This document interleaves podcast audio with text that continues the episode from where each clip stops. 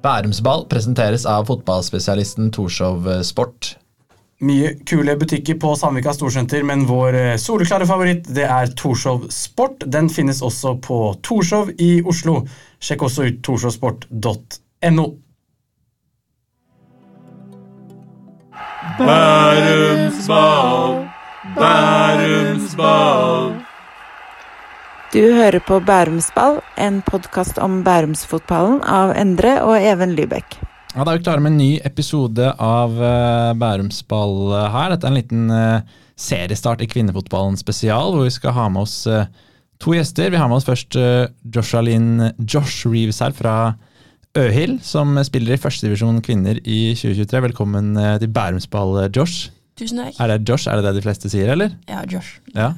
Det er det. Even, du og Josh har møttes så vidt en gang før, er det ikke det? Jo, eh, for øvrig sitter jo jeg her i Øhild T-skjorte, Øhild overdel og Øhild bukse, så jeg, det er vel hyggelig det at gjesten får en varm velkomst. Det er, det er bra. Setter stor pris på det. Ja. Nei, vi, hadde jo, vi tenkte jo tidlig at vi hadde lyst til å lage en, en episode før um, seriestart for eh, kvinner. Eh, og så tenkte vi at uh, Josh har jo vi fulgt med på lenge, og du har jo intervjua henne før for et par år siden. Og så mm. snakka vi bare litt på Instagram, og så så jeg henne på vei hjem fra en treningskamp. Og så tenkte jeg ja, Bærumsball, vi skal ikke bare um, melde, vi skal spille òg. Og da prikka jeg henne på ryggen og sa du, vi må få til en episode en dag. Og da sa Josh ja, det må vi få til. og så sitter vi her et par uker senere, så det er bra jobba av alle, alle involverte. Ja, klapp på, klapp på, skulderen til alle. Ja. Um, Josh, du er jo da spiller spiss på Øhild. Dere har seriestart om veldig veldig kort tid. Begynner jo ganske mye tidligere enn gutta. Gutta begynner jo litt ut i april. Vi skal snakke litt mer om Øhild 2023 etterpå, men først litt om deg. Du kommer jo fra eh, Liberia, født i Ghana, kom til Norge som toåring. Mm. Um, hvordan, hvordan, var på en måte den oppveksten din? Hvordan var det for deg å komme til, til Norge, hvis du husker noe av det? Um, jeg husker ikke så mye, for jeg var ganske liten, men jeg har snakka med uh, mamma og pappa. Så jeg vet uh, fra mamma sitt ståsted, liksom, så var det ganske vanskelig. Sånn, kommer til et nytt land, kjenner ingen, vet ingenting om kultur og liksom Har ikke noe å forholde seg til, da. Uh, men jeg syns mamma og pappa har gjort en bra jobb. Jeg har hatt en ganske bra oppvekst, så ja, jeg har på en måte ikke noe ikke noe å ta de på, på en måte. Så jeg ja, koste meg veldig bra. Um, bodde i Vestfossen, hvis dere har hørt om det, mm. i fram til sånn kanskje fjerde klasse ish. Så skilte mamma og pappa seg, så da flytta vi til Hokksund. Så bodde i Hokksund, gikk der på fram til jeg var ferdig på ungdomsskolen. Og så flytta jeg da inn til Bærum for å gå på NTG. Og så flytta jeg hjem igjen da i fjor, før jul. Så da har jeg pendla litt fra Hokksund og, og, til Bærum nå for, på jobb. Ok, Så nå bor du i Hokksund? Nå bor jeg i Hokksund, ja. Ok, Ja, for da Vestfossen, og så flytta du da altså til, til Værum for å gå på NTG, og du er født i 2002.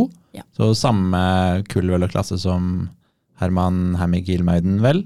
Jeg gikk i klasse med ja. Den første gjesten her, Pignatell Jensen, vel, er jo også et kjent navn. Han var vel der òg? Ja.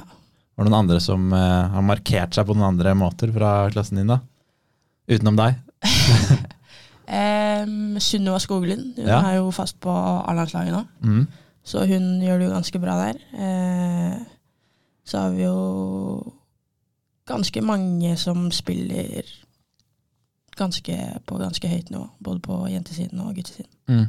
Hvordan var det da du flytta til Hokksund til Bærum for å gå på NTG? Var det allerede klart da at du skulle spille i, i ØL? Hadde på en måte de vist en interesse, eller hvordan funka den overgangen til ØL for deg? Ja, det var på en måte klart, for jeg hadde hospitert med de i løpet av det siste året på ungdomsskolen. Så da hadde jeg vært inn, inne der på noen treninger og ja, kjent litt på nivået. Så da alt var egentlig klart fra, fra jeg var ferdig i tiende klasse. Hvordan var det da mm, for deg liksom å flytte til et helt nytt sted, alene, gå på skole, hele den pakka der som ja, 16-åring, da? Eh, jeg skal ærlig, det var vanskelig, fordi jeg, jeg er egentlig en ganske veldig sjenert person. Mm. Så det var ikke så lett for meg å liksom Hva skal jeg si Få skape nye vennskap og sånn, da. Spesielt på, på NTG. For jeg synes det var litt sånn Du kommer til et nytt sted, du kjenner ingen, og så var det litt sånn Folk vet jo hvem hverandre er fra før, eller har, er venner fra før, da. Så jeg følte meg litt litt utafor en liten periode, men eh, det ble jo mye bedre etter hvert når man tør å, tør å ta litt eh, initiativ. Og ja, hvis man tør å ta, så får man jo litt tilbake også. Så det, det ble bedre etter hvert. Hvordan var det liksom å komme inn i, i Øhild eh, for deg, da? Eh, det var litt av det samme. Eh, sånn Eh, mange av de som jeg spiller på lag med nå, vi kødder jo om det hele tiden. Når jeg først kom til Øhild, så var jeg jo stum, holdt jeg på å si. Så jeg ingenting. så jeg husker hun ene spurte meg om jeg snakka norsk. Begynte å snakke engelsk til meg, for hun visste ikke om jeg snakka norsk eller ikke, for jeg sa ingenting. Men ja, det ble også ekstremt mye bedre etter hvert. Så. Jeg har jo, ja, for jeg husker, som Even sa i stad, jeg intervjuet deg en gang for Dagbladet for noen år siden. Det var vel på NTG, og jeg tror det var eh, Jeg så på den saken, jeg tror det var fra 2019, så da var du vel 17. Mm. Og jeg husker jo da at du, du var jo du var sjenert. Det virker som du har på en måte åpna deg litt mer nå, selv om vi har ikke prata så lenge. Men det virker som du er litt mer trygg og komfortabel nå enn du har vært. Men du er på en måte mer voksen da enn sist også. Da. Nå er du blitt Han eh, blir vel 21 i år, da? Ja, det stemmer. Ja. Mm. Hvordan, eh, hvordan, har måte de årene i ØL vært for, for din del, da, sånn sportslig sett, syns du? Um, jeg syns det har gått sånn Totalt sett så har det vel gått ganske bra. Um, det var vel 2019 så fikk jeg min første ordentlige sesong. Da overraska nok meg selv òg. Skårte 17 mål og hadde en av de beste sesongene jeg syns jeg har hatt i, i Øyhild. Um, jeg må ikke være for sjenert. Jeg tror det var 18 mål, i hvert fall ifølge mine tall her. Ja, da. 18, ja. Men, uh, ett mål i cup nå mot Hallingdal. Ja, Det må vi ta med. Ja, ta den. Vi tar med alt vi kan. Så 24 kamper, 18 mål. Ja, jeg satt og så på det etter å ha spilt 12 og ikke scora året før, så er jo det mm. sikkert noen som tenkte bare hvem, hvor kom hun herfra? ja, så det var veldig positivt. Um, sånn etter den sesongen så føler jeg litt at uh, eh, utviklinga mi har stagnert litt. Um, at jeg på en måte ikke har prestert opp mot det nivået som jeg vet jeg har inne. Um, og så har jeg jo fått, uh, fått, hjelp av klubben til å, til å prøve å ta nye steg. Da. Så jeg har jobbet litt litt med PT i fjor og prøve å komme meg i bedre fysisk form. Og så etter det så syns jeg jo at det har begynt å se lyst ut, så håper på en, eh, en, av de beste sesongene denne sesongen. Mm. Mm. Ja, hvorfor, eller etter, etter, den sesongen, hva føler du har stagnert? Nei, det var litt som du sa, at det var ingen som visste hvem jeg var den første sesongen. Og så presterer man ganske bra, så blir folk litt mer obs. Um, så um, ja, at kanskje jeg blir tatt ut litt mer i kamper, da. At folk har liksom ja, prøvd å ha litt mer fokus på meg enn det de har gjort tidligere. Som har gjort det litt vanskeligere for meg å ja, komme til muligheter og sjanser. Da. Det, har, det vært, ja, har, du, har liksom det vært vanskelig sånn mentalt sett for deg? At du blir på en måte sett på og passa på på en annen måte enn det du ble den første sesongen hvor du var veldig, veldig god? Eh, ja, kanskje litt i starten. Fordi det er litt sånn eh, man får på en måte ikke de samme mulighetene og sjansene. Liksom. Man må jobbe litt hardere for det. Um, eh, også, ikke bare at jeg ble tatt ut, da, men jeg merka også at den fysiske formen ikke var helt på topp. Så når jeg på en måte fikk på plass det, og, og i tillegg, eh, tillegg var jeg si, mer på på at jeg ble tatt ut, sånn, så skaper det også muligheter for andre. Så ja, det er både positivt og negativt sånn sett. Bare si kjapt her enda, at uh, selv om Josh er litt småkritisk til de siste årene, her, så har han jo bøtta inn mål og skåra 30 mål på 62 kamper siden den gode sesongen. Så det er jo tall jeg tror de fleste hadde vært uh, rimelig fornøyd med. Ja, ja, jeg tenkte på det også, fordi du får da 2020 litt ned, 10 skåringer. 2021 8, og så litt opp igjen i fjor 2022 med 12.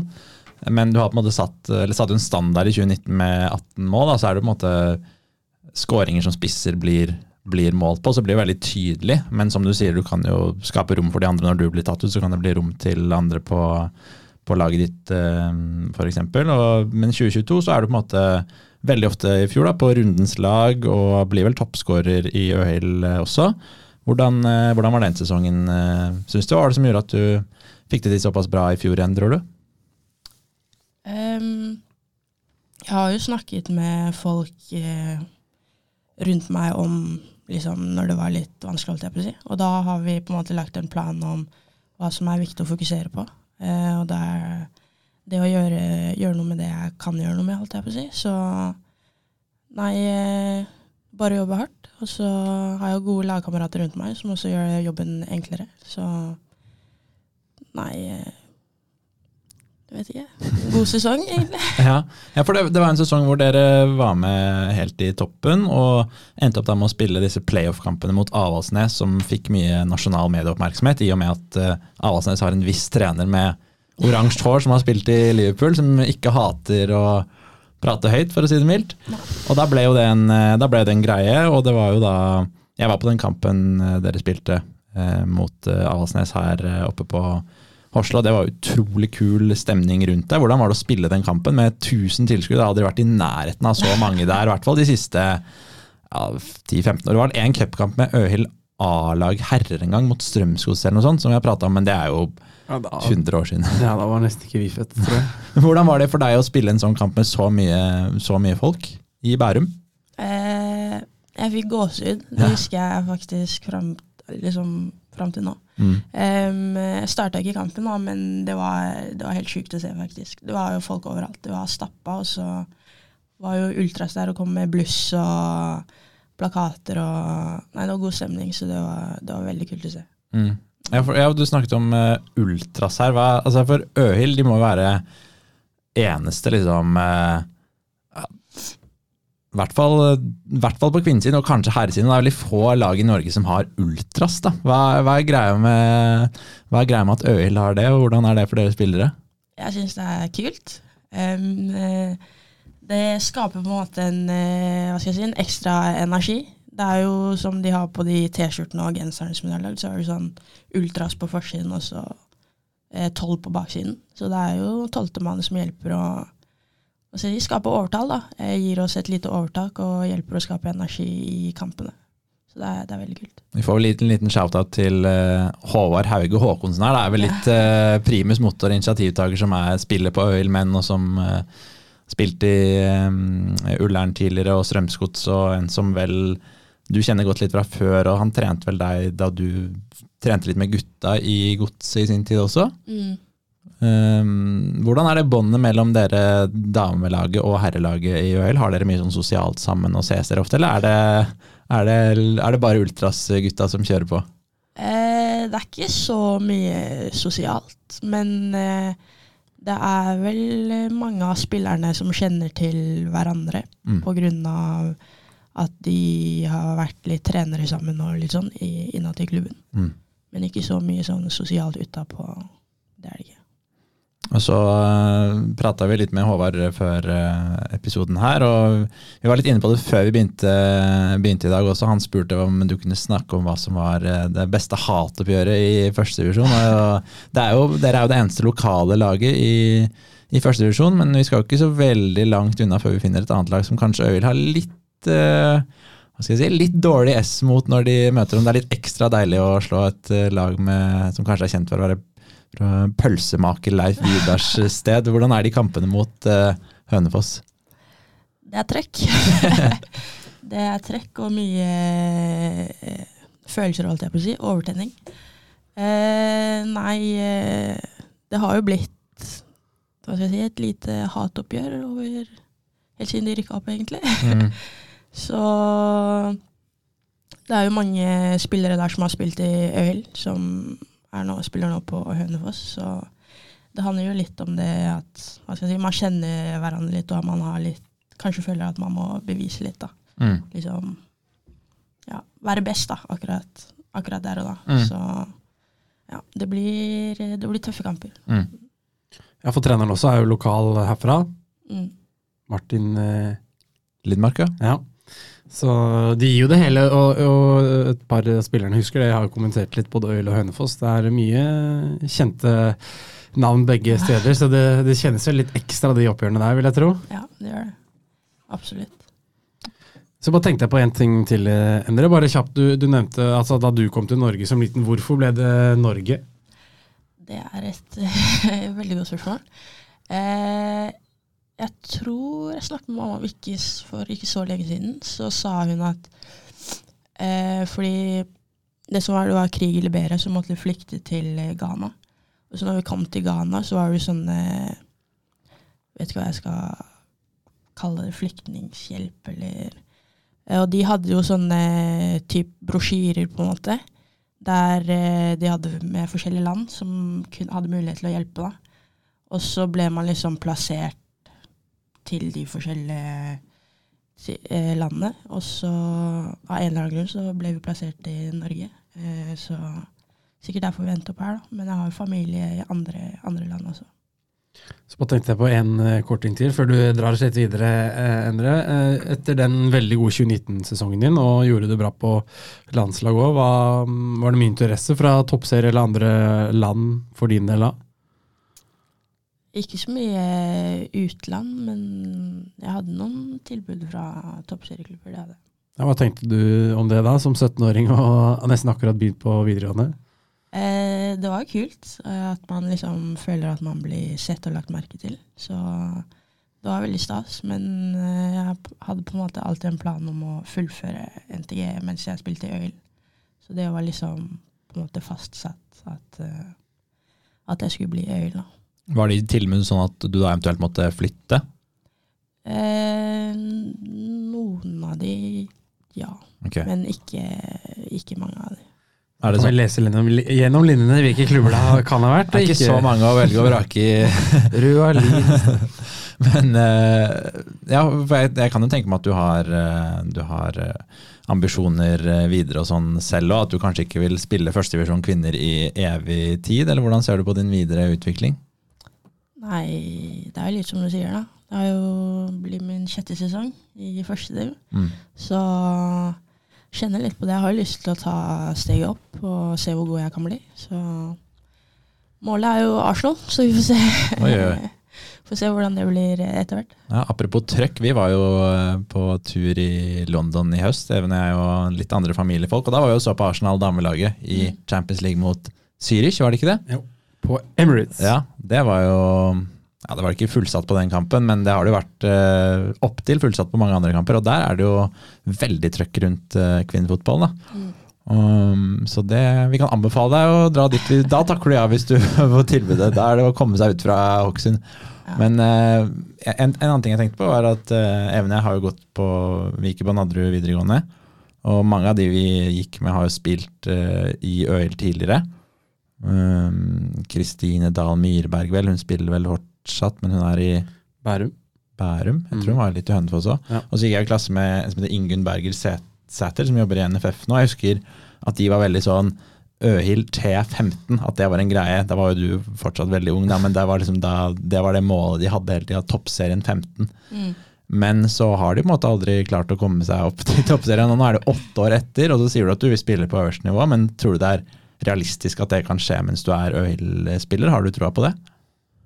Eh, så lenge jeg spiller her, så har jeg troa på at vi kan rykke opp til toppserien. Hvis ikke så hadde jeg ikke giddet å vært der. Mm. Um, så ja, troa er der, men eh, jeg skal ikke legge skjul på at eh, det har vært litt vanskelig når det har liksom Det har vært målet en eh, veldig lang periode, og så var vi jo ganske nære i fjor, og det gikk jo ikke hele veien.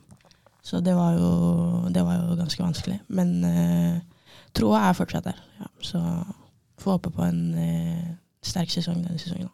Ja, for nå regnes vel eh, Kolbotn som favoritter til å rykke opp. De fleste bookmakere har dem øverst, og dere som nummer to. Og så er jo ikke det seriesystemet sånn veldig enkelt å forstå for alle. Jeg vet ikke, Er, er du veldig inne i det? Jeg tror nå så er det Det er fortsatt sluttspill, men ikke med toppserien. Så det blir som eh, topp fire i første du som går i eget sluttspill. Og så hvis du vinner, så rykker du direkte opp. Mm. Og andreplass er det vel kvalik. Ja, det var eh, akkurat det som står i notatene mine her. Så det er jo det der grunnspillet først, 18 runder. Mm. Og så deles det i to første til fjerdeplass og sjette til tiendeplass. Hva med Eh, femteplassen? Er det ingenting, Nei, eller? jo, første til fjerde og Jo, det må bli femte til tiende, da. Ja, det blir dumt hvis femteplassen avslutter avslutter Ja. sesongen og bare kan ta tidenes lengste sommerferie. Ja. Eh, ja, også førsteplass rett opp, andreplass, uh, andreplass kvalik. Dere har eh, Men kan jeg bare spørre kjapt, da? Ja. For da rykker førsteplassen direkte opp uansett. ja, Og andreplassen spiller kvalik mot det laget i toppserien som blir den, er det nest sist, tror jeg. For det er vel Jeg tror det. Ja, det er vel okay. bare ti ja. lag. Så de skal vel ha mer sånn vanlig, litt mer vanlig struktur uh, i år enn det de hadde i fjor. Um, dere har spilt eh, treningskamper før sesongen også. Det har gått vel litt sånn opp og ned. 2-2 mot Stabæk, 0-2 mot uh, LSK, uh, blant annet. Og så har dere serieåpning da lørdag, nå 25.3., mot Hønefoss, uh, selvfølgelig. Hvordan eh, ser du på serieåpninga der? Jeg gleder meg. Jeg gleder meg skikkelig. Mm. Eh, jeg tror det kan bli en, eh, en veldig bra kamp. En tøff kamp. Eh, men eh, Nei. Jeg gleder meg skikkelig. Jeg tror, jeg tror folk er gira og, og gleder seg. Så Mm. det smeller. Det smeller. Det er bra. Eh, Og så skal du videre snart herfra, fordi du har en eh, jobb siden av. Noe jeg regner med at de fleste på Øyl har en jobb eller studie siden av. Det er vel ikke fulltidsproff der. Hva er det du jobber med nå? Eh, nå jobber jeg på SFO på Horsle. Så der jobber jeg sammen med Mikkel og Ine Berg. Mikkel Mørk, Mikkel Mørk Solli. Ja. Oi, oi, oi, for en legende. Han har eh, hatt mange beduggede kvelder. Nei da, men Mikke Møk Solli er vel en legende innenfor uh, Øhild. Det er vel eh, lov å si. Ja. Er Georg Dyngeland eh, jobber han der? Eh, ikke nå lenger. Okay, for han var jo treneren min da jeg spilte i Øhild. Um, var vel noe eh, SFO-assistent, eller altså, sjef der. Så han, det er mange som er innom eh, begge deler. Mikkel Mørk Solli er vel da Han er like gammel som deg, vel? Et år- 97? Et år yngre. Han er 98. Ja. Og uh, er i noe NFF forbundsstyregreier, er han ikke det? Mm. Ja. Og i Øhil og på, På SFO. skole. Ja, så han, eh, han har ikke nok timer i døgnet. Og de få gangene jeg får lurt han til å komme på vors, da er han alltid en eh, og propp i øret. Litt sånn ting som skjer, og så må han ha, passe på å ikke gjøre for mye dumt. Og så, ja. Alltid på jobb. Men det er, eh, det er bra. Og så lurte jeg på, har du fortsatt ehm, personlig sponsor? For det husker jeg leste en sak om for noen år siden. Da hadde du Carepack som personlig sponsor. Er det fortsatt oppe og går? Eh, nei, det er det ikke. Jeg tror det var ett års. Ok. Ett års. Hva var, de, hva var dealen der, da? Eh, jeg fikk litt eh, saker, og Mm. så skulle jeg på en måte reklamere for produktene da, Hvordan gjorde du det? I På sosiale medier, liksom? på sosiale medier. Ok. Hva er det for noe? Jeg. Det er litt sånn sunne, sunne snacks. ok. Så ja. Ja, Var det godt, da? Jeg har ikke spist det. De har vel ikke Nei, spist ikke det. ja, det var greit. Ja. Eh, det var mange, mange jeg kjenner som likte det òg, så Ja. det, det, det var bra. Ok, Så det, det var liksom for å hjelpe, for å finansiere litt den, eh, den hverdagen, eh, hverdagen din, da. Ja. Um, hvordan er det liksom den økonomiske hverdagen som fotballspiller i førstedivisjon kvinner? Um, det er ikke lett. Jeg vet at det er mange som ehm, sliter med å få det til å gå, opp, holdt jeg på å si. Eh, vi hadde jo spillere i fjor som måtte gi seg pga. at det ble for mye. Um, eh, men uh, eh, vi har vært så heldige at uh, noen spillere på laget har i hvert fall fått eh, proffkontrakter som hjelper litt på den belastninga. Men uh, det var litt som vi var inne på i stad, at det er mange som går på skole og jobber ved siden av for å, for å få det til å gå rundt. da. Um, så det er ikke lett å være kvinnelig fotballspiller. vet Du Du må ha, ha en utdanning ved siden av. Må ha, bli fort plan A, og så bli fotball plan B, på en måte. Ja, for dere bruker vel uh, veldig mye tid. Dere har vel ettermiddagstrening. Uh, dere, hvor mange treninger i uka har dere, og når er det dere trener på døgnet? Er det faste tider? Ja, vi trener fem ganger i uka. Mandag til Nei, fire. Vi har fri på onsdager. Mm. Eh, Men vi trener på kvelden fra halv seks til sånn sju Halv åtte. Ja, for da kan, kan jeg tenke meg at sånn jobben du har i SFO, så passer det jo greit, for da er du på en måte ferdig på jobb Mm. når trening begynner. Men hvis du har en jobb hvor du har kveldsvakter, eksempel, så blir jo kanskje plutselig dilemmaet at oi, skal du, skal du Det er litt sånn som vi har, vi spiller jo fjerdedivisjon fotball for Holmen. Da er det jo er, Dere er på selvfølgelig et høyere nivå hos, uh, hos, dere, men det blir jo sånn du må velge mellom ok, skal jeg trene eller skal jeg tjene penger nesten. Ja. Eh, og så syns man jo fotball er gøy, men så er det som du sier, det er en kabal som skal gå opp her, som kan være utfordrende. Men så handler det vel mye om å planlegge, og det fikk du vel kanskje god trening på NTG da, når du går fra det ene til det andre og mye trening og opplegg. og Hvordan, hvordan fungerer det for deg, sånn eh, logistikkbiten opp mot alt det her? Eh, akkurat nå funker det ganske bra, egentlig. Um, fordi SFO er ikke så lange dager, så det er ikke så tidlig opp. Um, men mye av tiden går jo til å reise, så jeg bruker jo sånn litt over en time hver vei. Um, men uh, fordelen er jo at SFO er jo rett ved banen. Og så er det, når den er ferdig, så er jeg rett på trening, og så rett hjem. Så liksom blir ikke så mye dødtid imellom. Mm. Så det funker ganske bra. Mm. Hvordan funker denne reisen? Det, vi er opptatt av det logistikkmessige her i Bærumsball. Er det buss til eh, Lysaker og så tog, eller? Eh, ja. Så jeg tar tog eh, Eller jeg tar buss hjemmefra til stasjonen, ja. og så tar jeg tog fra Hokksund til Lysaker, og så buss fra Lysaker til Horsle. Ja. Var det Hvor sterkt, eller hvor mye trives du med å bo hjemme, siden du har valgt Altså, det, det høres jo ikke kronglete ut, da, men det tar jo en del tid. Ja, det gjør det. Hva eh, Jeg syns det er ganske digg å bo hjemme. ja, Vi skal så. ikke si noe, vi. Vi bor hjemme, vi òg nesten. Ja, ikke helt, men ja. Så det er det. Ja, Koselig å være hjemme. Det er det. Mm.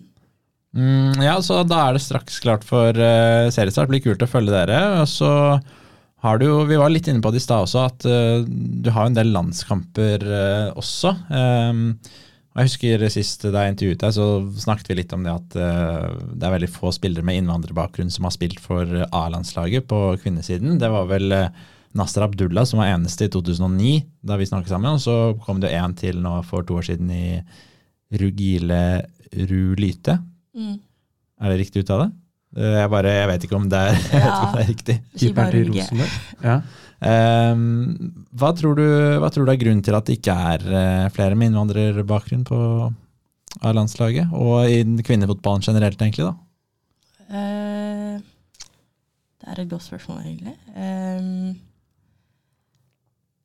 jeg husker når, vi, når du intervjua meg, i hvert fall, så husker mm. jeg at jeg nevnte litt det at uh, jeg hadde fått noen kommentarer om at fotball på en måte ikke var for jenter. At det ikke var noe vi skulle drive med. Mm. Um, så det kan jo være en liten faktor som, som spiller inn.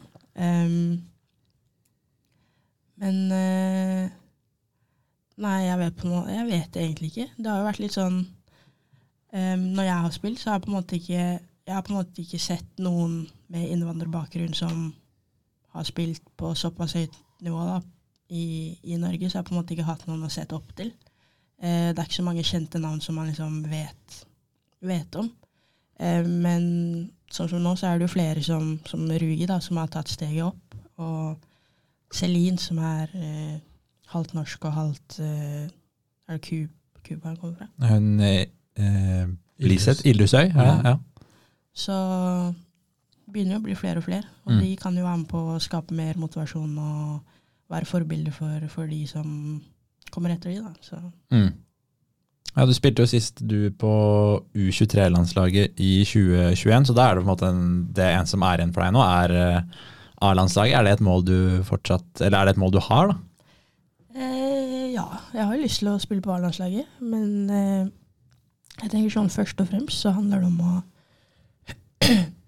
Så handler det om å prestere på klubbnivå og oppnå det langsiktige mål som vi har hatt der. Og så hvis jeg gjør det bra nok der, så tror jeg at muligheten kan åpne seg etter hvert.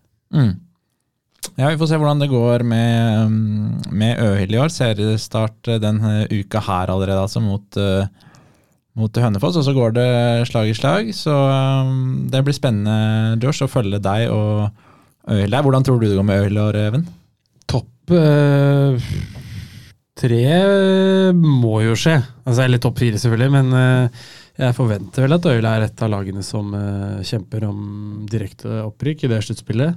Mm. Så um, mye altså, Ikke at vi skal legge noe press på deg, da, men uh, du er jo en viktig spiller for det laget med over et mål altså et mål annenhver kamp, som er sterkt. Så det er litt sånn uh, Får du mye spilletid og blir heit, sånn som vi vet du kan bli, så er det lite som kan stoppe både Øyhild og deg. Og så er det litt sånn de bortekampene kanskje mot Tromsø eller TIL 2020, og det er de som blir viktige, da. For Jeg tror det er lett for dere å gire dere opp til Hønefoss og greie hjemme, og de fleste kamper hjemme, men når man skal bort og reise, så ikke alltid like lett, kanskje.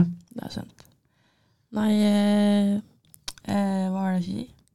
Jeg spiller ikke spiss lenger. Ok, hva Er det nytt av er året? Ja, det er litt nytt denne Oi, breaking news! Oi, oi, oi. Bustika, nå må dere ikke slå av. Ja, hva, hva, hva er status? Jeg Har blitt omskolert til eh, tier. Oh. Indre, indreløper. Det varmer vel endre sitt eh, indreløperhjerte. Trekvartista, Ronheim, for da spiller dere med en Altså Spiller du på en måte som en hengespiss eller playmaker, liksom? Eh, det er vel eh, sånn indreløper, men at jeg er litt høyere oppe i banen. Ja. I 4-3-3, da, eller? 4-3-3. ja. Ja. Hvem er det som skal være spiss og erstatte de store skoene der og fylle etter deg, da? Nei, vi har jo gode alternativer. Vi har fått inn eh, Nadia fra Røa. Mm. Nadia Pinto. Og så har vi Ingrid Klappovangen fra forrige sesong. Mm. Så det blir nok bra, det. Hva skal man følge ekstra med på når man skal følge med på Øhild i år? Er det noen eh, trender i spillestilen? Er det noen spillere å se opp for? Er det noe som kommer til å bli snakkiser rundt laget deres i 2023, tror du? Ehm, spillere oss opp for er vel Ine Berre. Mm. Lynrask. Ja, hun er bra.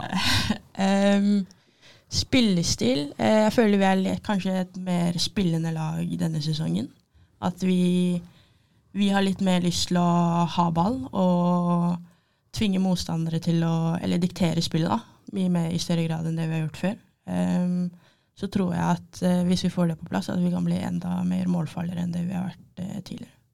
For dere har en ny trener for sesongen. Dere hadde På slutten av fjoråret var det jo Tommy Stenersen, gamle Stabæk-helten. Mm. Så er det nye trener, eller ny trenerteam nå, vel. Så det er jo litt sånn nytt å sette seg inn i for alle. Men nå har det vært en lang, eh, lang oppkjøring, da, så da mm, regner jeg med at dere er klare til seriestart. Det, det er vi nok. Det er bra. Øhild Grei, første i fjerde, første hjemmekamp, da. Ja. Ja. Men Horslebanen kunstgress, hva skjer med Ferd Arena? Er sponsoravtalen ute? Den er ferdig for oss, holdt jeg på å si. Ja, Horslabanen. Ja, ja. Nei, Men det er, jo- det er den banen der dere spilte mot Avaldsnes? Ja, det, det er Ferd Arena. Det er Ferd Arena. Men Horslebanen er liksom der den bandybanen. Ah, Det er den nye som de har så bygd. det blir deres hjemmebane fremover, ser det ut som, da. Ja. Ah, hvor- Hvorfor ikke Ferd Arena, da? Vet du det? Den er liten. Ah, den er, ah, ja. Ja. Den er liten. Da jeg spilte, hørtes det ut som det var verdens største, i hvert fall mot de beste lagene i fjerde divisjon. Tapte 10-0 der, så følte jeg at eh, nå er det mye bakrom jeg gir på venstre side her. Så ny bane som Det blir spennende. Ja.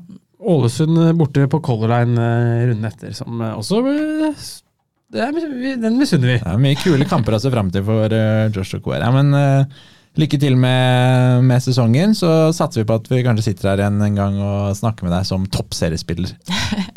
Jeg får håpe det. Eller Arsenal-spiller. Eller? Eller ja. Ja, men takk for at du kom. Jo, bare hyggelig. Ok, tusen takk. ha det. Ha det.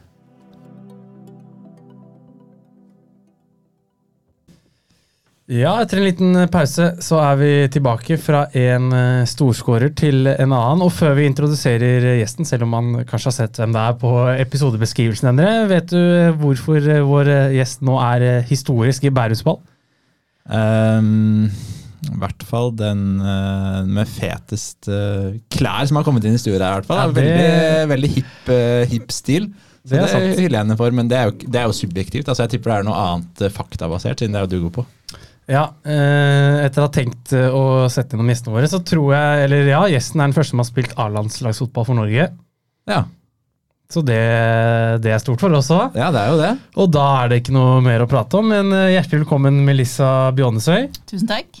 Hvordan føles det å være med i Bærumsball? Eh, etter den introduksjonen så, så sitter jeg ganske høy i hatten akkurat nå, men det var, det var veldig hyggelig. Men eh, veldig stas.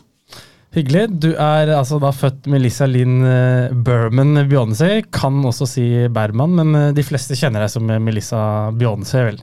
Det, det gjør de nok. Ja. ja. Født i Chicago i 1992, og så kom du til, eh, til Norge som ganske liten. Hvordan fungerte den biten der? å komme til Norge. Ja. Det fungerte veldig smoothie. Jeg var jo relativt liten. Jeg tror jeg var akkurat fylt eh, tre år gammel. Så det var egentlig å bare Min mor og min far tok med meg, og lillesøsteren min, flytta hit, og så har vi hatt en veldig fin oppvekst. Hvorfor ble det Norge? Det er jo ikke alle som drar den veien. Ofte er det andre som følger the American dream og drar til USA, men Mm. Nei, nå, den historien jeg kjenner, er jo at eh, mamma og pappa hadde bodd der en stund, og ja, det er andre vilkår her når man vokser opp med, med små barn. Så det var trygt og godt, og det, eller de trodde det ville være trygt og godt for oss her, og det har det vært. Er det noen norske altså Bjånesøy, navnet, er det noen mor og far som er fra Da er det min far som er fra Austevoll utenfor Bergen, og min mor som er fra Chicago. Mm. Ja, så da flytta dere hit eh, da du var ung, og så begynte å spille fotball i eh, Lyngbø, Stemmer en liten klubb. Eh, akkurat hvor eh, ligger den? Den ligger på Laksevåg utenfor Bergen. Akkurat nå ligger den i lille Gravdal, der min mor bor. Så eh, ja, bitte liten klubb som veldig lenge hadde ett jentelag, og som nå faktisk har et damelag. Eh, veldig stas. Eh, vokste opp der med venninner og eldre jenter som spilte fotball. Mm. Eh, 2009 så debuterer du for eh, Sandviken. Husker du debuten din? Eh, ja, jeg tror kanskje jeg gjør det. Jeg følte meg veldig kasta ut i det. Det må ha vært borte mot Amazon Grimstad, tror jeg. Ja, vi um, På fotball.no, da, som er vår eh, hva skal jeg si, senere, vår, vår kilde, så sto det i hvert fall at du debuterte uh, i april 2009 som 16-åring, rett før bursdagen din, Mm. eh, mot Stabæk, hvor det ble 10-1. Oh, ja. Kan det, kan det. Det- Ikke meningen å rippe opp i Nei. dårlige minner, men Du bare eh, tar ned den selvtilliten som hun fikk Ja, da vi det hausa skjønner opp i jeg at stad. hadde jeg fortrengt, ja. Men eh, var det første kampen, da, så var det ikke en før det? det fall, men jeg husker godt den kampen, ja. Ja. Jeg husker godt. Det var i hvert fall første hjemmekamp, eh, om ikke annet. ja. Og så taper vi tidligere, men vi, vi leder jo 1-0. Først der, faktisk, og trodde at vi skulle vinne serien det året, Ja. i ti minutter cirka. Og så rant det bare inn. Det var jo et stjernelag uten like vi møtte, så. Ja, Solveig Gulbrandsen skåra, Melissa Wiik skåra hat trick, Lise Klavenes skåra hat trick. Så um, 10-1, ja. Du, det var ikke så ille da du møtte Tyskland eh, for jenter 19, det som vi skal ta litt snart. Åh. Men uh, hva, hva husker du av den kampen mot Stabæk? Um, jeg husker at man bare følte seg uh, overkjørt av et eller annet godstog. Uh, jeg mener å huske at jeg ble bytta ut i pausen òg.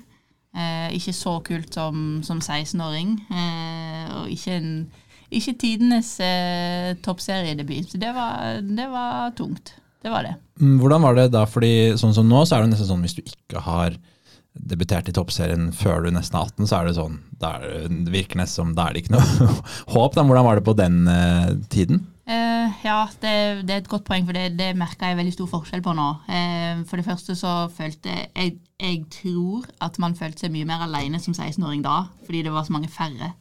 Eh, så man følte at man liksom ja, var veldig liten i en veldig voksen gruppe, og nå opplever jeg at når det er en 16-åring, om ikke man er fast i A-laget, så er man kanskje flere som er oppe og hospiterer, og det er liksom man har litt mer trygghet, da.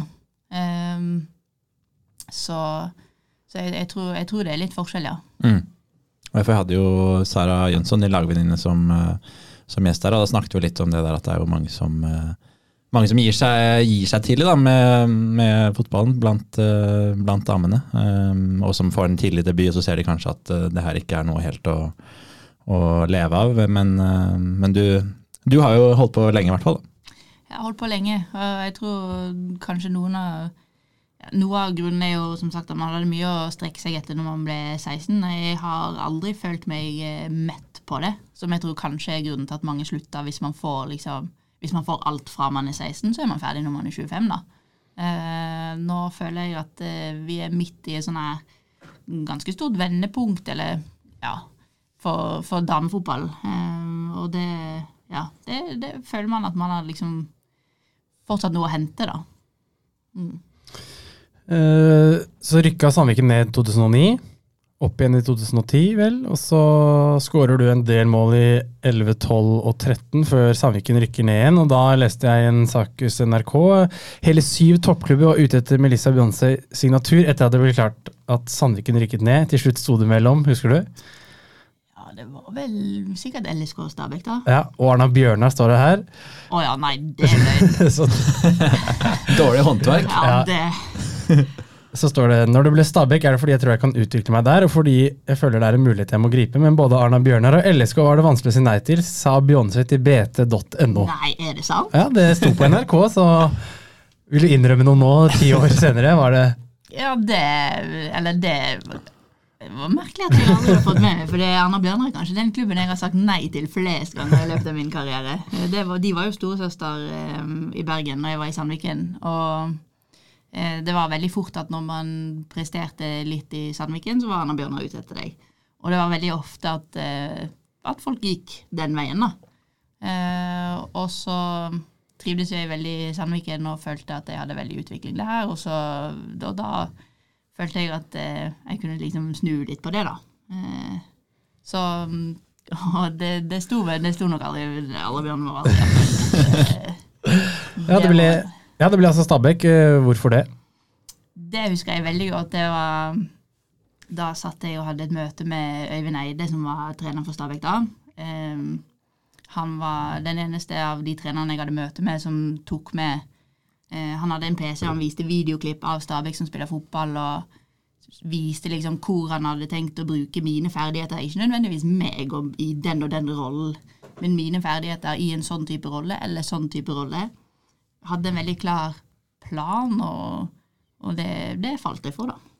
Lurer, Du sa jo litt at det har blitt liksom, altså damefotball veldig mer på vei opp og frem nå, og det begynner å bli mye mer interesse rundt og sånn, men på den tiden var det sånn da at eh, klubbene tok direkte kontakt med deg, eller hadde du en agent, eller hvordan funka det da, det møtet før, eller før du møtte Øyvind Eide, da? Mm, ja, det var Alt var direkte til meg, Ja. stort sett. Eh, Eller man har vel en eller annen sånn formell greie man må gjennom til klubben, men eh, det er mye mer formelt nå, da. Eh, Jeg har aldri hatt agent. eh, Hadde aldri da, har ikke nå.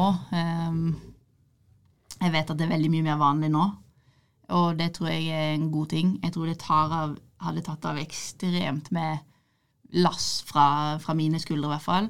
Jeg var jo relativt ung. Ehm, jeg, tror, eh, jeg tror det er en ganske stor belastning som er, det er veldig sunt at, at spillere slipper nå.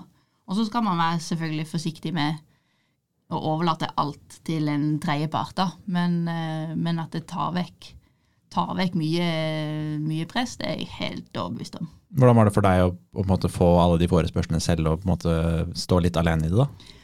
Man blir jo, for I en sånn situasjon så blir man jo veldig smigra, fordi at det er mange som har lyst til å ha det til laget sitt, og det, det er veldig stas. Og da er det jo eh, Altså, de, de selger jo inn både klubb og, og deg og Ja. Eh, det, blir, det blir så mange fine ord, da. Og da tror jeg det er vanskelig mye vanskeligere for en 20-åring å, å prøve å reflektere og liksom se litt forbi det, og så hva er best for meg og min utvikling. Så det er jo kanskje det som det er den største utfordringa. Sånn, og så det å ikke liksom kjenne på det presset om at nå må jeg ta en avgjørelse snart, eller shit, nå har ikke jeg svart han, og han venter sikkert på svar, og det blir liksom mye man må holde styr på, da. Så det Jeg, jeg husker at det kosta litt, det gjorde jo det. Jeg tok til, altså ringte de, eller Facebook i den, på den tida, hvordan, hvordan MSN, kanskje? Ja, ja, shit, En liten nudge. Ja, hvor gammel, hvor gammel er jeg? En liten nudge. Eh, det, var nok, eh, det var nok mest direkte på telefon, ja. Ja. Mm. Eh, ja, du går nå inn i din tiende sesong som Stavik-spiller. Eh, Er du eh, overrasket når du får høre at det er den tiende, eller fornøyd, eller hva, hva tenker du rundt det? Mm, ja, både òg. Jeg føler altså både overraska og fornøyd. Jeg føler det Jeg har alltid vært litt, litt sånn type, da. Nå har jeg ikke vært i så mange klubber. Folk er jo forskjellige. Det er ikke det er ikke sikkert jeg Eller jeg er ganske sikker på at jeg ikke alltid har gjort de riktige valgene med tanke på egen utvikling og klubb og alt sånt som det der, men jeg har hatt en veldig sånn jeg har en veldig sterk lojalitetsfølelse, veldig sterk klubbfølelse. Så jeg er veldig fornøyd med å ha fått være i en klubb i ti år. Um, hatt den rollen jeg har hatt i, i mange år nå, det, det, det er jeg veldig, veldig fornøyd med. Mm. Og med kapteinspinnet rundt eh, armen nå, hva, hva betyr det for deg? Ja, det er jeg også veldig, veldig stolt av. Det syns jeg er en veldig, veldig æresfull eh, oppgave. Um, og jeg tror det For meg så sier det litt om den Det blir veldig sånn klisjégreie, men den reisen jeg har hatt. For jeg følte aldri at jeg som yngre var noen sånn kapteinstype. Uten at jeg skal si Jeg syns det er veldig vanskelig å definere en kapteinstype, da. Og det har jeg jo brukt mye tid på og vært, har vært veldig utfordrende og pressende å prøve å liksom finne ok, hvordan er jeg som kaptein, hva er min rolle. Men å få den oppgaven i, i en klubb som du har vært i snart ti år, det, det syns jeg er kult. Hvordan ønsker du å være som kaptein, da? Mm. Um, Bare graver i dypere og dypere her. um, jeg ønsker jo å være en som på en måte um, si, står litt fram da, på en, annen, på en eller annen måte. Det kan jo være på, på godt og vondt for noen, eh, men at det kan være noen som liksom gjør de riktige tingene, eller som man kanskje kan se litt til hvis, hvis man lurer på hva, hva man kan gjøre. da. Eh, og samtidig være litt ydmyk på at heller ikke jeg gjør alltid de riktige tingene.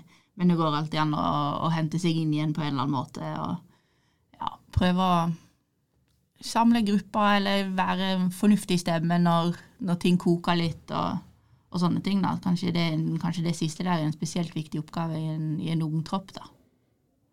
Er det noen eh, kapteiner du har hatt som du på en måte prøver å ta en del fra nå? Alle som har vært kaptein i Stabæk Ja. før meg. Så når jeg kom altså Stabæk har jo hatt kapteiner som Katrine Pedersen og Ingvild Stensland, Trine Rønning, Ingrid Hjelmseth var vel den siste før meg. Eh, alle de er jo store forbilder, både som, som spillere og som, som mennesker. Eh, og deriblant også som kaptein, da. Eh, så det er alltid, alltid de jeg ser tilbake på. Mm. Så er det jo en del eh, A-landskamper, og du har jo tatt sølv i 2014, bronse 16-17, og så eh, sølv, NM-sølv nå eh, i 2022. Men eh, altså selv om Stabæk har vært en god klubb i de årene du har vært der, så har det vært litt opp og ned. Ikke sånn veldig veldig toppklubb, men du har jo prestert på et, på et bra nivå. Har du hatt eh, mye kule tilbud, f.eks. fra utlandet, på de beste sesongene dine? Typ 25, altså for et par år siden, da. Eller du er god nå, da, men eh, da du spilte på A-landslaget og liksom var eh, heit, heit. Mm. Um, ikke som jeg vet om. Nei. Igjen uh, kanskje ulempen med å ikke ha agenter. Uh, for da er det jo Da er man jo bundet til klubben på en annen måte. Altså De kan få en forespørsel, men så lenge jeg er under kontrakt, så har ikke de noe plikt til å um, hva skal jeg si, tilby meg noe. Eller det skal jeg ikke si helt sikkert, jeg kan ikke alle de reglene helt utenat. Og, og, og det må jeg òg bare si at eh, i hvert fall Rikard Jansen, som har vært sportslig leder veldig lenge. og Eh, Så lenge han var det, så vet jeg at ting ble jo gjort veldig redelig. Så det er ikke eh, Jeg har aldri vært i tvil om at, eh, om at noen har holdt noe unna. Men, men igjen, det, det, jeg vet som sagt ikke. Hvordan, eh, hvordan er han Rikard? For det er veldig mange når vi snakker om eh, Stabæk og damefotballen, som nevner at han gjør en helt enorm jobb. Og vi fikk jo en, en hyggelig mail av Rikard også etter at vi hadde Sara Jensson-episoden, hvor det kom eh, mye skryt og litt hva vi kunne snakket om i tillegg, og eh, litt, litt korrigeringer på noe der han mente at det her var ikke helt sånn og sånn. Men eh, hvordan er på en måte han eh, jobber med den spillelogistikken, og hvordan følger han opp mm. dere? Eh, nå er jo ikke han i noen formell rolle i klubben lenger, eh, så han, men han er jo fortsatt der. Og det, det høres ut som Rikard, det du sier der, som eh, på en måte har en Han får jo med seg alt. Og det er det som er litt fint med han, er jo at eh, han på en måte kan komme med sånne type tilbakemeldinger til Han gjør jo det til oss òg. Altså, 'Dette var veldig bra, men dette kan du gjøre litt bedre'. Og det er jo fordi han får med seg ting og følger med og, og har liksom fakta på plass. Det er vanskelig å krangle med han. Fordi han, han, han har liksom det meste, meste inne. Eh, og han gjør jo den vet du, usynlige jobben, stort sett. Det er alt fra ja, det er alt som går under logistikk, egentlig. Og så ser han veldig aktiv på Twitter, og hvis det er et eller annet som er litt ulikheter mellom kvinne- og herrefotballen, så er han kjapp på å påpeke. Og det er jo ofte fortsatt da, at det er ting som eh, ting som skurrer litt, hvor det plutselig på en NRK-sending kan komme et helt feil navn, eller at det kommer et spørsmål til noen av dere som er helt håpløst. Eller, ja. Så han er jo følger jo med. Han er på. Ja, jeg fikk noe innspill eh, om eh, pressetreffet du var på nå. Var det Mye rart som ble spurt om, eller? eh? Vi må si Det var jo sånn kickoff vel for toppserien som var på Ullevål stadion eh, nå eh, rett før seriestart. Ja. Med Anne Sture som var programleder der. Og så var det vel litt sånn Det er vel litt sånn speeddating nesten, hvor du går fra Ja. media til media der. Det var akkurat det. Man sitter på et, eh, eller Den siste seansen er at man liksom sitter på et bord, og så har man klubblogoen bak seg, og så kan bare presset bare komme opp til deg og spørre. Og skal sies at jeg syns det har blitt bedre nå på de 15 årene jeg har holdt på. det, det, De spør mye mer om sport, eh, men det hender jo fortsatt at det dukker opp en sånn hva er favorittoppingen din på pizza-type spørsmål som du blir litt sånn Hvorfor det er relevant? Men eh, ja. Hva, hva, var innspillet vi fikk, Even? Det var som eh, hvis Ja, hvis du gir meg mobil, så skal Ja. Men hva er favoritttoppingen? Bare for å høre svaret. Eh, jeg tror Selve formuleringa var Nå outer jeg snakker samjournalisten, men det var hvis du skulle valgt én topping på pizzaen eh, resten av livet, og da, tror jeg, da svarte jeg nok pepperoni. Jeg gjorde det. Ja. Nei, det er ikke så dårlig, skal jeg si. Vi fikk da spørre om hvilke spørsmål som var det teiteste av alle under møtet med pressen. Her bør hun kunne hente frem litt grelle eksempler. Referer, ref at ukjent avis kjørte ti spørsmål og spurte om alt annet enn fotball. Ja. det, det stemmer, det. Eh, Det var um, ja, favorittopping på pizza. Jeg eh, fikk i oppgave å sette sammen min eh, drømmekonstellasjon på hver gang vi møtes. Eh, det, det har ikke jeg tenkt å være med på sånn med det første. Um, ja, det var, det var kanskje de to som var mest utafor, hvis jeg kan si det sånn. Ja.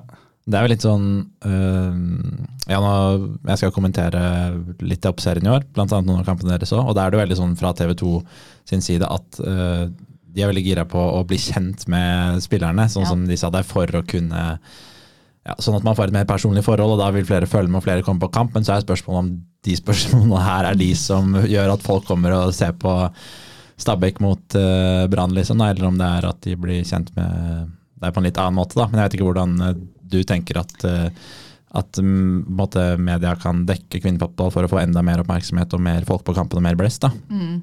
Jeg syns det er et vanskelig spørsmål, og et veldig betimelig spørsmål, fordi det er jo det de sier Det er det de har liksom formidla til oss nå, da, det samme at de har lyst til å bli bedre kjent med oss. Eh, sånn på godt og vondt, sier de. Så det at eh, de tar oss på alvor, betyr f.eks. at eh, vi må tåle ja, ikke alltid solskinnshistorie, da. Eh, og tåle For det er jo, det er jo synd innimellom, men det er jo tross alt det som selger av og til. Det er jo det som folk klikker på, er jo ting som er litt kontroversielt eller litt tøft Mm. å lese.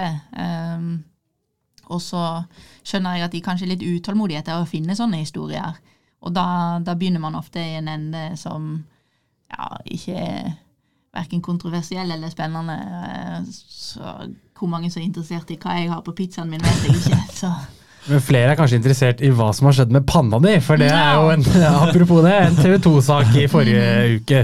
Bisarr skade på Stabæk-angriperen eller et eller annet i den duren. Eh, eh, Hvilken øvelse først og fremst kjørte du? For jeg så du sto at jeg kjørte styrke, eller det sto liksom at du trente styrke, men eh, du har jo et eh, Ja, du kan jo si det selv. Hva ja, har, akkurat nå har jeg et lite plaster som Ja. dekker et egentlig ganske pent arr eh, nå. Eh, men det var et greit åpent kutt der som måtte sys med, med fire sting. Og så, så det, det jeg kan fortelle om det, var jo at det ikke var Jeg drev på med en annen stang, eh, en annen vekt, eh, og så velta denne, denne vektstanga bak meg, og så snur jeg meg for å se hva det er som skjer bak meg, og så treffer han meg i panna.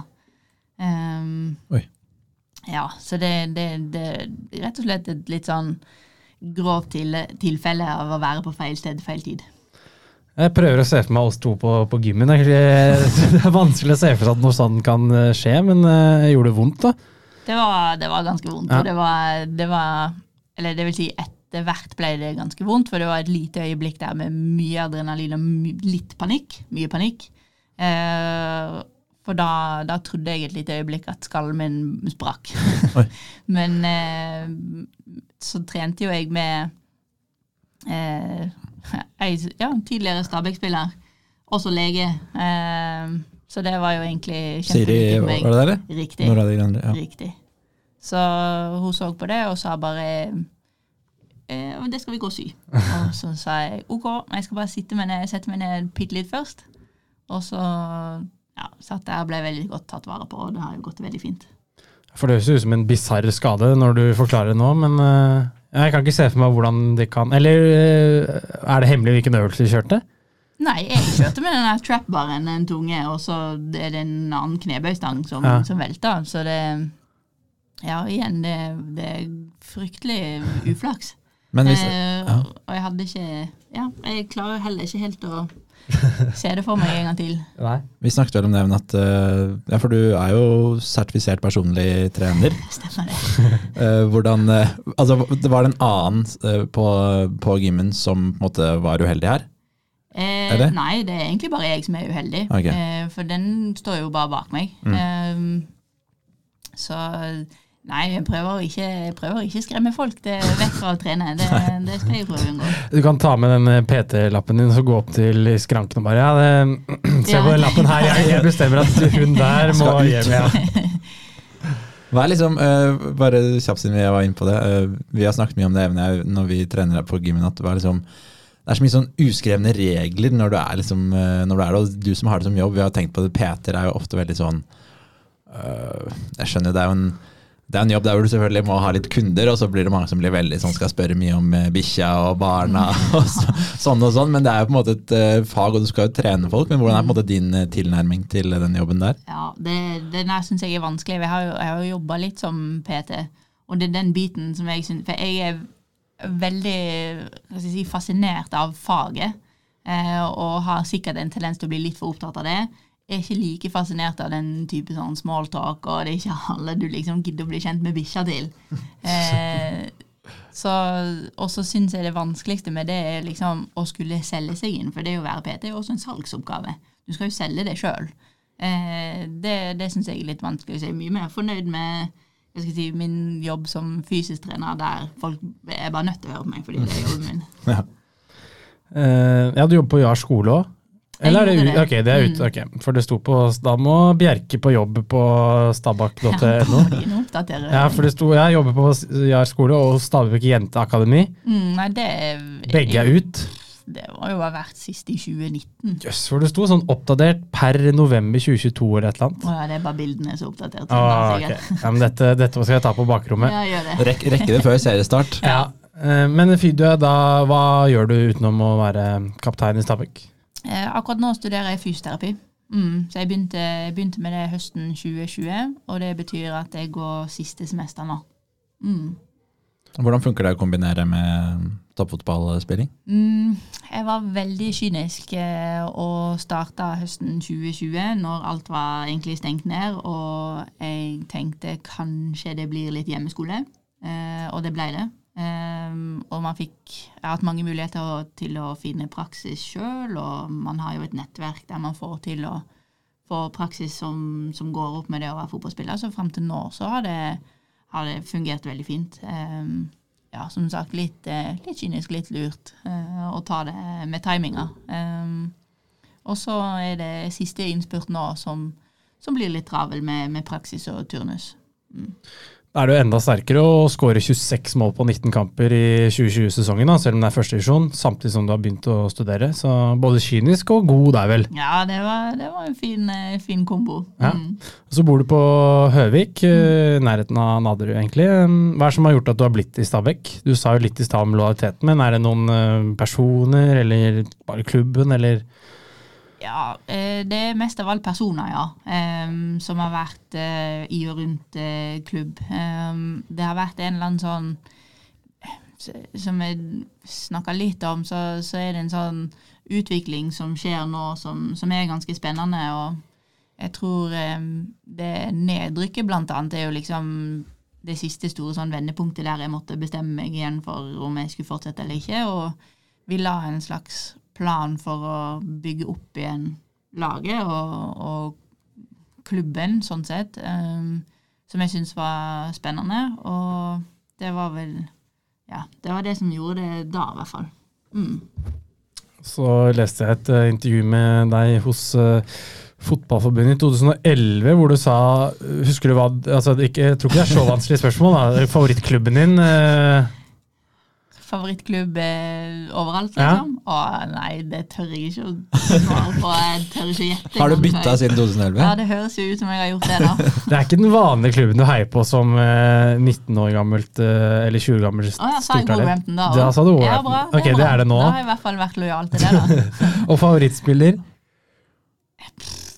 Det kan ha vært hvem som helst på den tida. hvis du tar den nå, da er jeg imponert. Ja.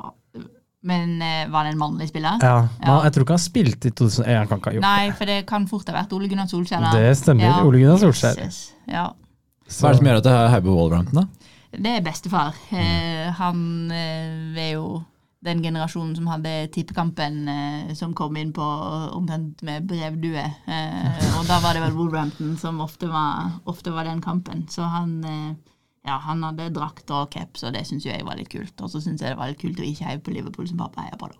Mm. Og Solskjær, eh, så du mye opp til han da du var liten, Ja, han bøtta jo inn mål og var bare en eh, ja, en, en ekstremt smart spiller. Mm. Bruker du mye tid nå på oss, eller ser du mye gjennom egne kamper selv, analyserer deg selv og liksom den biten eh, for å fortsatt utvikle deg som spiller, da? Ja, gjør det. Um, prøver hele tiden å liksom finne de tingene man kan justere på. Eh, på et eller annet tidspunkt så vet jeg ikke Altså, man kan jo alltid utvikle seg. Og så spørsmålet om det blir fysisk eller ferdighetsmessig eller eh, fotballsmartness, da. Og, så man finner jo hele tiden ting man kan liksom pirke på, da. Eh, eller hvorfor noe ikke fungerte i den situasjonen, men det fungerte i den situasjonen. Og så har man jo alltid Man har alltid noe å lære. Så har du en trener, eh, ny trener i Stabæk i år som ikke akkurat hata å skåre mål heller, som det sikkert er litt å lære fra. Men følger han opp dere spisser mye på det sånn spesifikt, eller er han mer på laget? Eh, han er begge deler. Eh, og så har han jo vært inne på, på spissene når vi har hatt eh, type avslutningsøvelser, og han har mye å bidra med der. Han har det. Og så er det, det er veldig vanskelig, for det, jeg tror det var mye det mye smartness på han òg. Det er jo ikke alltid det er jo ikke alltid bare ren ferdighet, så det er ikke alltid han skal inn og coache på avslutningsteknikk, for vi har veldig mange gode tekniske spillere. Men, og man kan stå og ikke være, ikke være best på selve skuddtreninga, men likevel være den som skårer flest mål fordi man leser spill på en annen måte. Og, og der tror jeg han var Det var liksom litt av forsen hans, da. Det, og det tror jeg er litt vanskelig å lære bort. Men der er det veldig nyttig å, ja, å se klipp med han og prate med han om det. Ehm, 23 kamper, 28 mål for jente 19-landslaget. Det er jo helt uh, utrolig tall. Eh, Hva skjedde de årene der? Ja, hva skjedde? Det var, det var en sånn en sånn tidsepoke der bare alt flyter. Helt um, Man følte liksom at alt man var borti, bare gikk i mål. da. Det høres jo fælt ut, men det var, det var en uh, fantastisk fin tid. Eh, vi var en gjeng på det Jenta 19-laget som ja, Det var to-tre kull der som, som liksom fulgte hverandre ganske lenge over flere, flere sesonger og flere mesterskap. Så vi var, vi var veldig godt samspilt. Og altså, på 28 mål så er det sikkert to-tre spillere som har assist på alle de. Eh, ja, Du ble jo toppskårer i til 19-EM i 2011. Tapte nesten like mye da for Tyskland som for Stabæk i 2009. 8-1 for Tyskland, men uh, du kan tippe under om hun skåra da òg.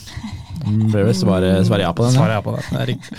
Men uh, hvorfor hadde du ingen landskamper før den tiden? Altså, Du slo gjennom ganske tidlig. Var det ikke noe, eller? Eh, ja, slo jeg egentlig gjennom ganske tidlig. Det var jo, jeg var jo 18 før jeg var innom noe landslag. Jeg var aldri innom noe kretslag eller sonelag eller hva det var det het på, på den tida. Um, hva det hadde med å gjøre, det, det vet jeg ikke. Jeg tror jeg var eh, Eller det hadde litt å gjøre med si, min litt sånn forsiktige væremåte da, tror jeg. Um, tok aldri så veldig mye plass som, som fotballspiller. Jeg syntes det var litt eh, skummelt å plutselig skulle prestere med mange som ja, hadde spilt på kretslag og på sonelag. Men så fikk jeg være med Jenta 19 en gang. Eller det vil si, når, vi, når jeg fikk være med A-laget til Sandviken, så hadde vi en trener der som sa til meg at du har mye å hente på, på å bli litt mer, litt tøffere. Både fysisk og, og mentalt. Og så jobba jeg veldig lenge med det, og så fikk jeg sjansen på Jenta 19 på et forfall, og, og det syntes jeg var artig, og gikk baller på seg. Berømte grepet uh, sjansen med begge hender uh, der. Um, 21 A-landskamper, noen spesielle du husker? Jeg husker første skåringa var i landskamp nummer to um, mot Kina i Kina. Det var en ganske heftig landslagssamling.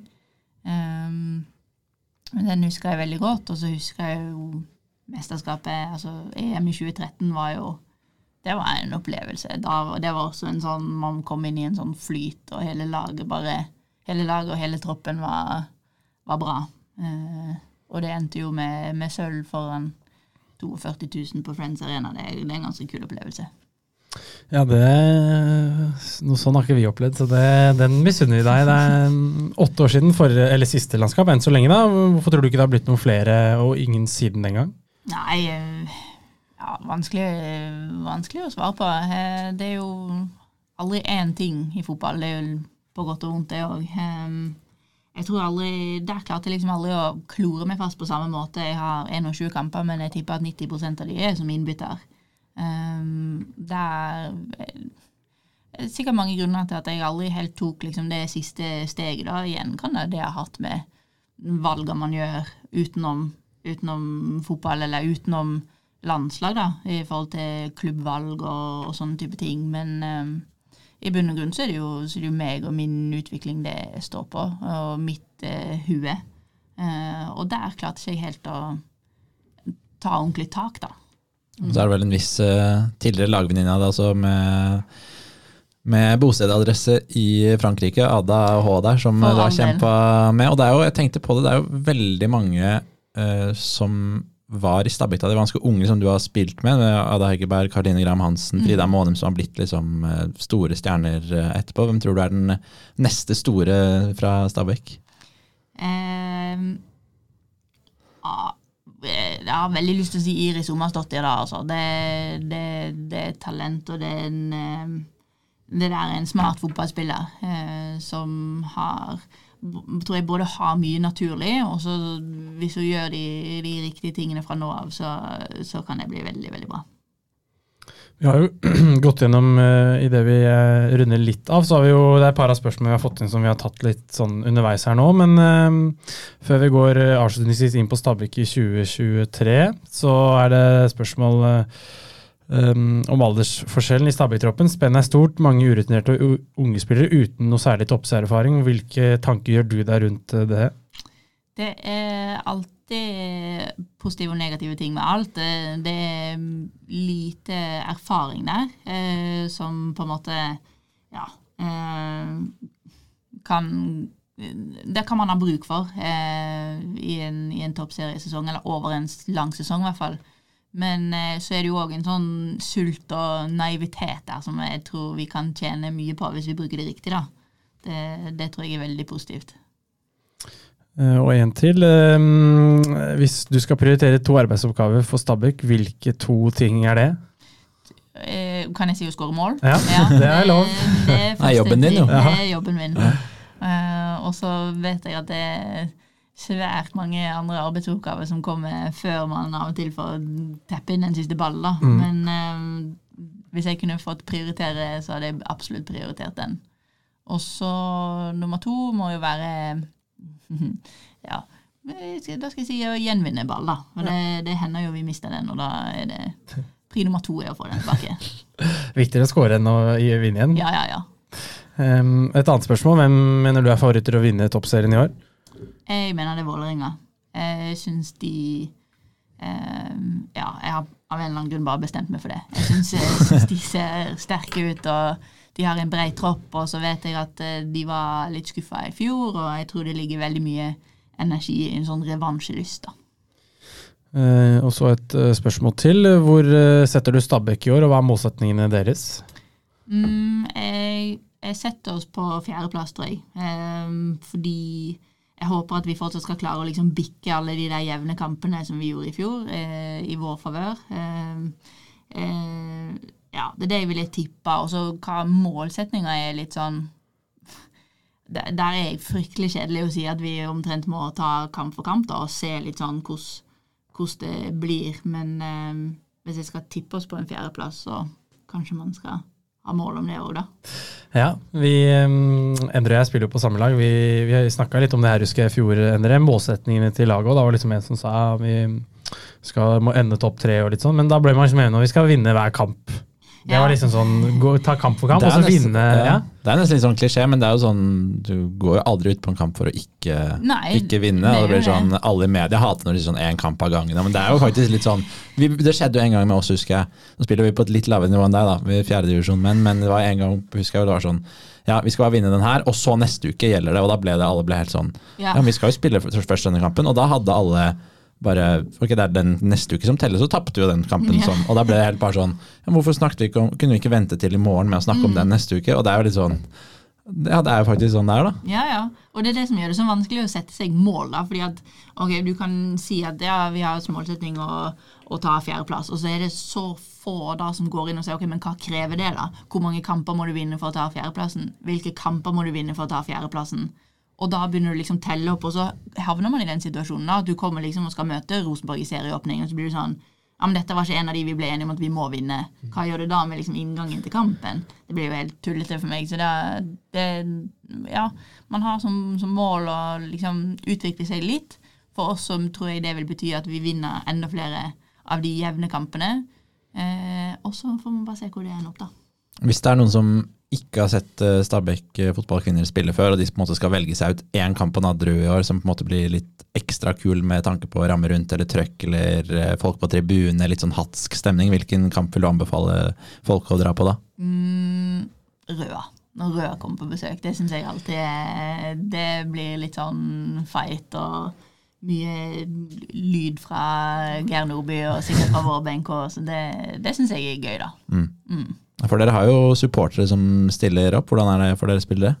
Det er stas. Det, det syns jo vi er, er veldig gøy, og jeg vet at eh, de, de er jo ikke like mange som, som de var på et tidspunkt for en stund siden, eh, så de må gjerne komme tilbake. Eh, men cupfinale i fjor, eksempel, magisk. Helt magisk.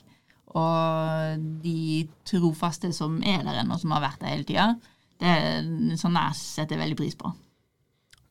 Eh, Visste du at eh, sønnen til Geir Nordby er Norges beste bandyspiller? Nei, det visste jeg ikke. Da kan du huske på det til neste gang så vi fyrer opp eller et eller annet hvis det er litt dårlig stemning på sida der. notere. Et siste spørsmål fra oss to, før Endre avslutter med sitt vante. Du har vært i Bærums eh, ball lenge, holdt jeg på å si. Altså ti år, eller inn i din tiende sesong nå. da. Hva syns du om engasjementet engasjement i, i Bærumsfotballen på kvinne- og herresiden? Men jeg syns jo Man sier jo eh, ofte at eh, fotball i Norge er bygd på frivillighet, og det, det syns jeg eh, Bærumsballen er et godt eksempel på. Der er det ja, Jeg vet at det er foreldre og ikke-foreldre og kjente som, som alltid som stiller opp, og jeg er ganske overbevist om at de ikke hadde gått rundt uten, uten det, da. Mm.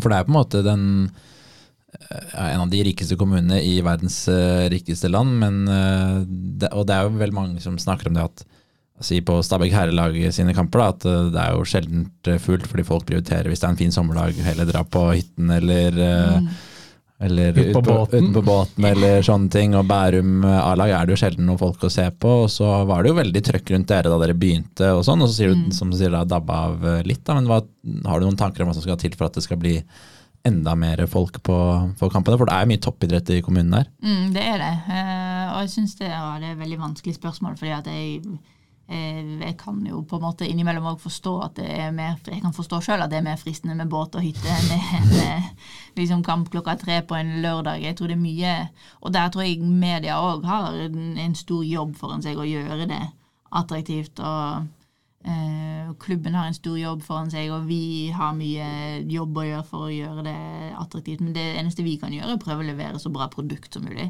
Og det gjør jo vi hver dag. Eh, altså jobber for å, for å gjøre det litt bedre. Eh, og så er det jo rammebetingelser, og det Også her er det liksom ikke én ting, da. Um, men eh, jeg vet ikke. Det handler jo mye om kultur, da, og det er vanskelig å endre på. Ja. Vi får se, se om det blir litt endring etter hvert utover i sesongen. Vi i Bærumsball prøver å bidra til litt endringer, skape litt engasjement. Ja. Eh, og så er det jo første seriekamp for dere eh, mot eh, Rosenborg lørdag 25. Eh, så det blir jo spennende. Det er jo en av eh, tittelkandidatene, selv om du har Vålerenga som klink, klink nummer én. Men eh, vi skal runde av her. Du Kan jeg bare spørre om en kjapp ting før Ja, ja. du runder av? Trigges du mest av å spille mot lag du ser du f.eks.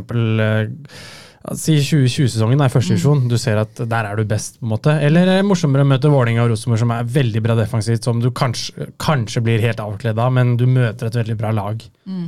Det, jeg jeg syns det er mye artigere mot de store lagene, de gode lagene. Eh, man blir på en måte tvunget til å holde et høyere tempo, man blir tvunget til å være litt bedre hele tida. Så det, det, var, det var artig med en sesong i første divisjon, der man fikk eh, Ja, det er litt ekkelt av meg å si å leke seg litt, da, men det var jo det, Det ble, alt er lov. er det alt lov. det var artig, men det var også, selv om det ble tøft for oss i fjor høst, så det er veldig gøy å spille mot sånne type lag. Mm. Er det ikke litt sånn som spiss også, da? Si eh, mot de aller beste lagene hvor dere kanskje ikke har så mye ball, og du ikke blir så mye involvert, rett og slett. Når du først får ballen da, at det blir sånn ok, da må du gjøre alt på en gang. Eller klarer du liksom å tenke at ok, nå da bare spiller jeg den på ett touch, selv om kanskje det er den ene involveringen du har i løpet av de første 25 minuttene. Mm, ja, men det som jeg syns er gøy med det, er å tenke akkurat de tingene. Eller prøve å liksom bli litt bedre på de tingene. da. Ok, Så får du ikke så mange sjanser. Nå fikk vi jo seks kamper mot de i fjor høst, så da hadde man liksom en mulighet til å Fan, den kampen så Nå spilte jeg mye vekk på ett touch. Kanskje til og med mot liksom, de beste stopperne skal jeg klare å holde på ballen litt. Grann. Så eh, prøve å liksom tenke på å håndtere mine situasjoner best mulig, da. Så får vi håpe før eh, siste spørsmål at, to, at det blir bedre enn topp fire, og så 2-20 og 0 poeng i sluttspillsrunden, sånn som det dessverre ble for. Stabæk i fjor eh, høst. da. Men nå er det en ny, ny struktur, eh, vel? Ja, Ja. Hvordan er den igjen? Jeg Da er episoden ferdig. Ja, da, det blir spennende. Nei, men eh, ja, jeg vet ikke Nå har vi vært mye gjennom mye. Vi snakket jo litt om det med media i stad. Vi, jo, eh, vi jobber jo i media begge to, men hvis du skulle intervjuet eh, Melissa Beyoncé, hva ville du spurt om eh, da? Eh, ja, men jeg, jeg kan jo ikke dette faget, så jeg hadde gått for alle de klisjeene. Ja, men hva tenker du om årets sesong? Og, Ananas på pizza, eller? Ja, for eksempel. Er det noe vi har glemt, eller noe som du tenker hvorfor har de ikke spurt meg om det? Eh, Nei, jeg tenker egentlig dette var Sånn her blir man kjent med folk. Ja, Jeg har ikke hatt noen sånn smalltalk-følelse, det er veldig deilig. Ja. det er bra. Hvis du måtte ha sagt noe, da, uten å ha noen sånne klisjéspørsmål, hva ville du selv eh, Ikke for å tvinge deg, men hvis du kommer på noe? Nei, bare Jeg tror Jeg vet ikke. Det hender jeg eh, Kanskje er litt mer glad i å prate enn jeg burde være noen ganger. Og, og da og så tror jeg det er litt forskjell på meg i en sånn type setting og i en setting der jeg har en tendens til å konsentrere meg mye om, om mitt og, og meg sjøl. Så jeg tror, jeg tror man, det tar litt tid å, å bli sånn ordentlig kjent med meg. Det kan jo være greit å, greit å vite. Favoritt badested på Høvik? Det har vi jo glemt å spørre om. Veritas eller eh, hva heter den uh, Sarbevollen? Er det noe spesielt? Den, er- fin, og det, eh, det skal jeg òg innrømme at det eneste grunnen til at jeg vet om den, er fordi vi for dit med laget. Så, så var jeg sånn Å ja, den her ligger litt to minutter fra. Det var jo greit å vite. Ja, det må anbefales for de som bor på Høvik. Mye fine badesteder her som vi er gode til å benytte. Dere. Ja, ja, det er helt krem.